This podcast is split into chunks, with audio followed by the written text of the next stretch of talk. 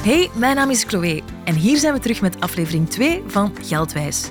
Doorheen acht episodes ontrafelen we het mysterie van beleggen, zodat ook jij klaar bent om deze boeiende wereld te ontdekken. Niets missen?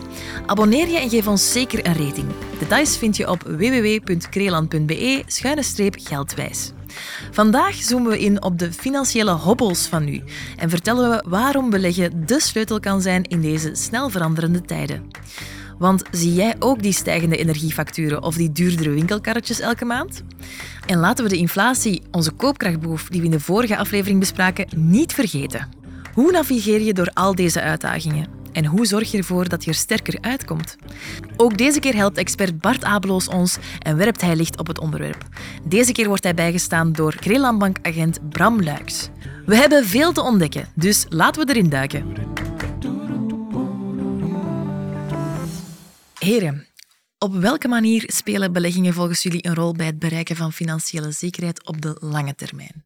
Ik denk in eerste instantie is het belangrijk om ja, die lange termijn zijn werk te kunnen laten doen. Een spaarrekening heeft het voordeel, ja, morgen kan je er weer over beschikken.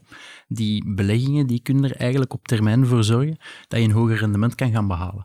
Ehm, je gaat hoogtes en laagtes hebben. Daar hebben we het uh, allee, ook al over gehad. Ehm, maar het is wel heel belangrijk dat die hoogtes en die laagtes op termijn in je voordeel kunnen gebruikt worden bij beleggen op lange termijn. Ja, eh, als ik daar eh, even bij mag aanvullen. Um, je moet op lange termijn, en we moeten allemaal op lange termijn eh, een aantal dingen waarmaken. We gaan bepaalde levensstandaard opbouwen. We, willen die levensstandaard ook behouden naarmate dat we ouder worden, naarmate dat we ook stoppen met werken, dat we op pensioen gaan. Um, er is uh, in België een goed uitgebouwde sociale zekerheid. Dus we, we vallen niet in een zwart gat wanneer dat we geen arbeidsinkomen meer hebben, wanneer dat we stoppen met werken. Maar toch uh, merken we dat die sociale zekerheid en, en de voorzieningen die er zijn, die gaan onder druk komen, omdat ja, we vergrijzen in, in snel tempo. Dus dat betekent ook dat er voor elke niet werkende Belg steeds minder werkende Belgen zullen zijn. En het staat een beetje in de sterren geschreven dat we meer zelfredzaam zullen moeten zijn wanneer het gaat over onze eigen financiële toestand. Wat je eigenlijk wil voor een stukje van je opgebouwde spaarmiddelen, is dat die mee kunnen deelnemen aan de groei van de economie, aan de groei van de welvaart. Want dat is wat dat we op lange termijn zelf ook voor ogen hebben. We willen onze levensstandaard behouden, niet alleen binnen vijf jaar, maar ook binnen twintig, dertig jaar. En niemand weet hoe de wereld er dan zal uitzien. En mhm. dan maak je die koppeling via beleggingen tussen waardeontwikkeling en je spaargeld. Het is een stukje, ja, je geld een verhaal laten schrijven op lange termijn, het laten werken voor, voor u eigenlijk, nadat je het zelf hebt verdiend, het voor u laten, laten verder werken en, en constant bijsturen eigenlijk. Het is, het is, je weet niet wat er morgen gaat gebeuren, wat dat je morgen gaat tegenkomen, maar tegelijk, ja, elke mhm. valkuil creëert ook weer nieuwe kansen. En, en dat, is, uh, dat is heel leuk aan, aan beleggen en het begeleiden van, van mensen bij beleggen. Mm dat is wat dan we dagelijks eigenlijk in, onze, in ons kantoor ook tegenkomen. Dat zijn nieuwe opportuniteiten. Mensen die ja, zaken tegenkomen in het leven waardoor ze moeten bijsturen. En eigenlijk telkens daar weer um, die koppeling maken en, en de, de aanpassing doen. Zowel dat kan zijn van meer te gaan beleggen, misschien, misschien een stukje te moeten opvragen. Maar ja, dat zijn, mm -hmm. dat zijn eigenlijk de, de leuke dingen aan. Ik hoor jullie zeggen, het beschermt je een beetje tegen tegen de economische veranderingen en tegen hoe onze welvaart zal groeien. Of, maar wat als die welvaart krimpt? En, en wat is het effect daarvan op beleggingen dan? Dat is ook een, dat is een goede reden om te beleggen, omdat wij met heel veel van ons hebben en houden, zijn wij gebonden aan de lokale situatie. Onze uh, ons arbeidsinkomen is Belgisch. Als je een eigen zaak hebt, je klanten zijn Belgisch. Heel vaak. Je sociale zekerheid is Belgisch. De pensioenvoorzieningen zijn, zijn Belgisch. Maar het kan best zijn dat er inderdaad een, een, een soort verschuiving plaatsvindt van de welvaart of van de welvaartgroei naar elders in de wereld. Uh, als je je hele hebben en houden geparkeerd hebt onder de kerktoren, om het zo te zeggen, ja, dan ga je voor een stuk die opportuniteiten missen en dan kan het zijn dat je relatief zelfs een stukje achteruit gaat. Maar bij beleggen is het super makkelijk om eh, zelfs voor kleine bedragen, voor kleine delen van je, van je portefeuille, om deel te nemen aan groei die elders in de wereld plaatsvindt. Buiten België, misschien zelfs buiten Europa. Mhm. Dat is echt heel makkelijk. Ehm, en dat, uh, dat is dus een hele goede reden om te beleggen. Je weet niet wat de toekomst brengt. Je weet niet hoe onze maatschappij er binnen 20, 30, 50 jaar zal uitzien. Maar je weet wel dat ergens zal er groei zijn. Ergens zal er welvaartscreatie, zal er een verschuiving naar meer welvaart zijn. En via je beleggingsportefeuille kan je daar perfect mee aan deelnemen. Ik kan me wel inbeelden dat het uh, best eng kan zijn als je als consument of als klant, eh, je ziet uh, alles wordt duurder, energieprijzen stijgen, dat dan het laatste waar je aan denkt is om die beleggingen te gaan doen. Voor mij alleszins komt het dan vrij beangstigend over van ja, moet ik nu nog iets anders met mijn geld gaan doen of moet ik nu net risico gaan nemen op een moment dat ik zo bang ben? Bram, hoe help jij dan jullie klanten in het advies richting beleggen? Ik denk in eerste instantie is, is de spaarrekening, dat dan ben je zeker verliezer eigenlijk op lange termijn. Ik denk dat dat belangrijk is om, om dat ook even aan te halen bij de klant. Van op korte termijn heeft de spaarrekening heel veel voordelen, ook voor die projecten naar sparen toe en dergelijke. Maar op langere termijn zit je met het grote nadeel dat sowieso de inflatie niet gaat volgen. Dat, dat is al, al jaren zo. Uh, de laatste tien jaar bijvoorbeeld de, de 0,11. Ja, met inflaties die meer dan twee gemiddeld bedroegen, ja, kom je daarmee absoluut in het verlies terecht. Dus op middellange termijn is het wel de moeite waard om toch eens te gaan kijken wat er achter de heuvel ligt. Um, en, en daar is het onze rol eigenlijk om te gaan kijken met de klant, van wat past er eigenlijk bij jou? En, en hoe kunnen we jou daarin uh, het beste Mhm. rendement gaan bieden? Met natuurlijk de, ja, de gepaste risico's, de gepaste schommelingen. Mhm. Want schommelingen zijn op korte termijn heel nadelig en, en risico's, ja, risicovol eigenlijk. Maar op, op middellange termijn gaan die eigenlijk ook een stuk in je voordeel spelen, omdat de schommelingen natuurlijk naar boven toe er ook zijn. Mhm. En dat is, uh, dat is het verhaal dat wij dan brengen. En merk je dat er bij klanten toch nog altijd die overtuiging van het, het, het heilige spaarboekje uh, leeft? Of al minder? Ik denk de Belg heeft eigenlijk twee zaken die, die ze altijd naar voren schuiven. Dat spaarboekje en het vastgoed. Dat zijn de twee grote doelstellingen dat elke Belg eigenlijk heeft bij het begin van zijn, ja, van zijn leven. Ik denk dat, dat 90% eigenlijk in eerste instantie spaart om van daaruit een woning te gaan kopen. Dat is ook de beste belegging, denk ik, die, die je kan doen als, als, jong, uh, als jong koppel of als uh, alleenstaande uiteraard.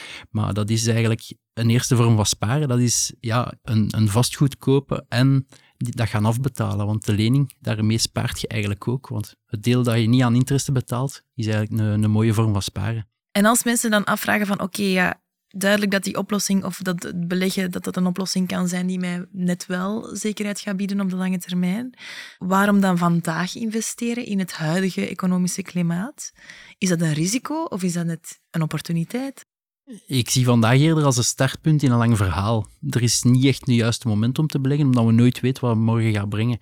Tegelijk zie ik vandaag ook heel veel kansen en dat vind ik wel, wel heel leuk om die aan de klant eigenlijk proberen duidelijk te maken. Um, we staan aan het begin van de elektrische wagen, evoluties als technologie, artificiële intelligentie. Het zijn allemaal zaken waar dat je als belegger een stuk mee kan op inspelen. Um, zonder al uw eieren specifiek in die man te gaan leggen. Maar we staan dan eigenlijk vandaag gewoon aan, aan de start en, en we volgen die evoluties op. We gaan mensen begeleiden in dat traject. En, en minstens één keer per jaar willen we ook uh, dat verhaal even een keer uh, fine-tunen. Kijken met de klant, waar staan we vandaag? En, en waar willen we binnenkort naartoe?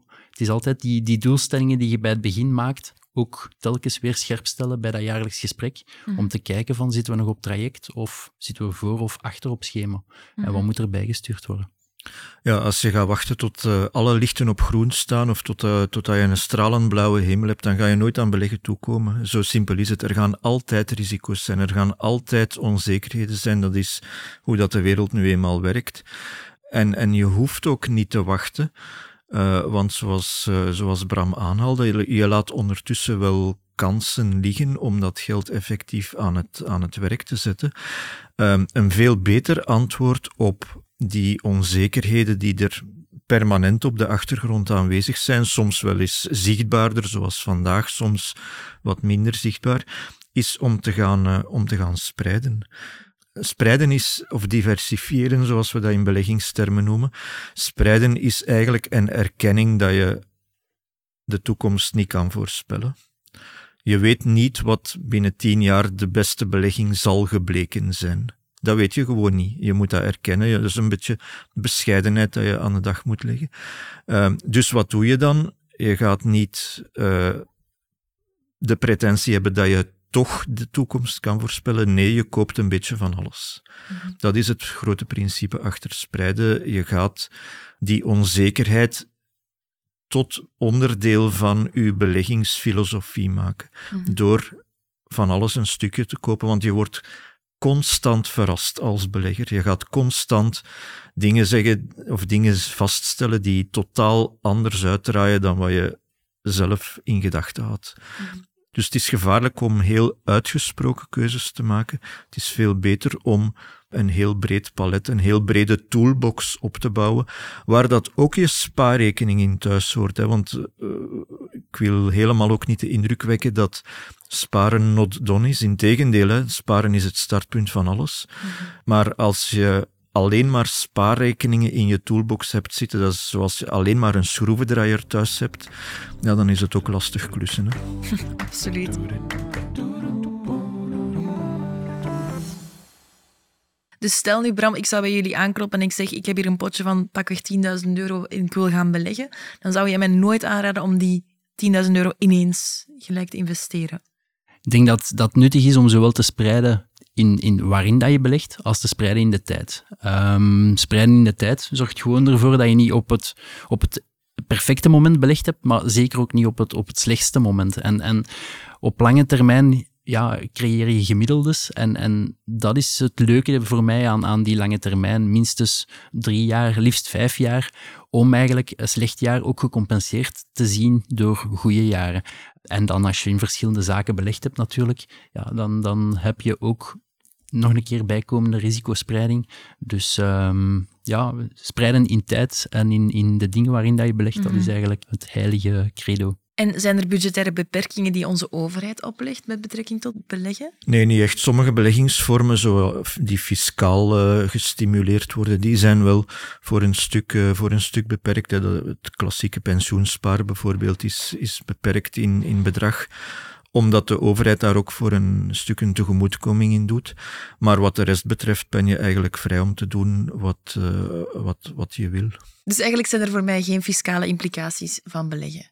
Sommige beleggingen gaan, uh, als je ze verkoopt of als ze op eindvervaldag komen, of wanneer je onderweg een stukje rente krijgt bijvoorbeeld, gaan wel belastingen met zich meebrengen. Hè. De, dat is een van de weinige zekerheden in het leven, dat is uh, dat er belastingen zijn. De Belgische staat passeert uiteindelijk altijd aan de kassa. Ja. Dus dat is eigenlijk iets dat je, dat je altijd in het achterhoofd moet houden. En ik denk dat dat, ja, we dragen allemaal ons steentje bij aan de sociale zekerheid, aan, aan ja, en dat doen we als goede Belgen door een stuk belastingen te betalen de fiscale implicatie van een kapitalisatiefonds is anders dan van een distributiefonds. Maar op zich, aan het einde, ga je altijd ongeveer evenveel belastingen betaald hebben. In sommige gevallen kan het ene interessanter gaan zijn dan het andere. Maar laat ons zeggen, gemiddeld genomen, een beetje afhankelijk van hun horizon, kan dat bijgestuurd worden. Maar aan de kassa ga je altijd passeren. dat, mhm. is, uh, dat is eigenlijk een idee. En zo vliegt aflevering 2 ook alweer voorbij. Bedankt dat je samen met ons dieper dook in de wereld van beleggen. Vandaag hebben we ontdekt hoe slim beleggen kan helpen in deze tijden van inflatie en lage rentevoeten. Het juiste beleggen biedt niet alleen bescherming tegen financiële hobbels, maar zet ook de koers naar een stevige financiële toekomst. Maar dit was pas het begin. Want in onze volgende aflevering doorprikken we enkele hardnekkige beleggingsmythes en leren we je alle ins en outs over beleggen. Vind je dit een leerrijke podcast? Abonneer je dan en drop een rating. Meer info check www.krelan.be-geldwijs.